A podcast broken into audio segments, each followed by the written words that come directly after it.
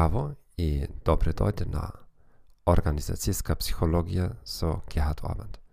Единствениот подкаст за психологија во светот на 21 јазик со германски акцент. Ако сте студент или професионалец, овој подкаст ви помага да го освежите вашето знање во неделни делови од не повеќе од 5 минути. Јас предавам психологија во југоисточна Европа и работам како консултант веќе повеќе од 14 години. Јас не сум експерт за македонски јазик. Се разбира, ова веќе го разбравте. Бидете терпеливи со мене, но ветувам дека ќе се подобрувам со секоја нова епизода. Денес ќе разговараме за мотивацијската теорија за очекуваност и вредност. Теоријата предложена од Виктора Врум има три фактори кои одредуваат дали некој лице ќе биде мотивирано да действува или не. Трите фактори се очекување, инструменталност и валентност. Очекуваноста е степен до кој напорот на една личност веројатно ќе доведе до одредено ниво на изведба. Инструменталноста е веројатност дека ова ниво да изведба ќе доведе до одредени исходи. Валентноста е нивото на посакуваност на тие исходи. Теоријата очекува дека сите три фактори ќе бидат мултиплицирани. Ако еден фактор е нула, нивото на мотивација ќе биде нула. Еден пример ќе помогне да се илустрираат овие три фактори. Меѓународна компанија им нуди на своите вработени бесплатен курс по германски јазик.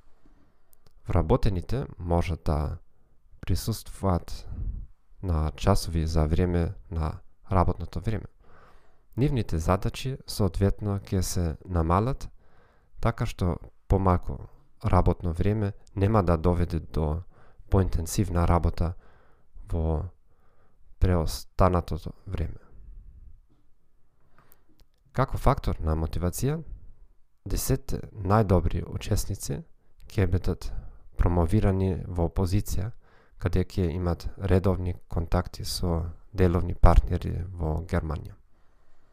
Тие ќе имат чести можности да летат во Германија како дел од службено патување. Сега компанијата очекува дека сите ќе бидат ентузијасти и ќе учествуваат со максимален напор. Во реалноста, ова нема да биде случај. Секој вработен во главата ќе ја пресмета равенката погоре. Некој би сакал да ги добие ветените привилегија, но тој или таа не верува дека ќе може да го достигне потребното ниво на германски јазик. Јас не сум надарен за јазици.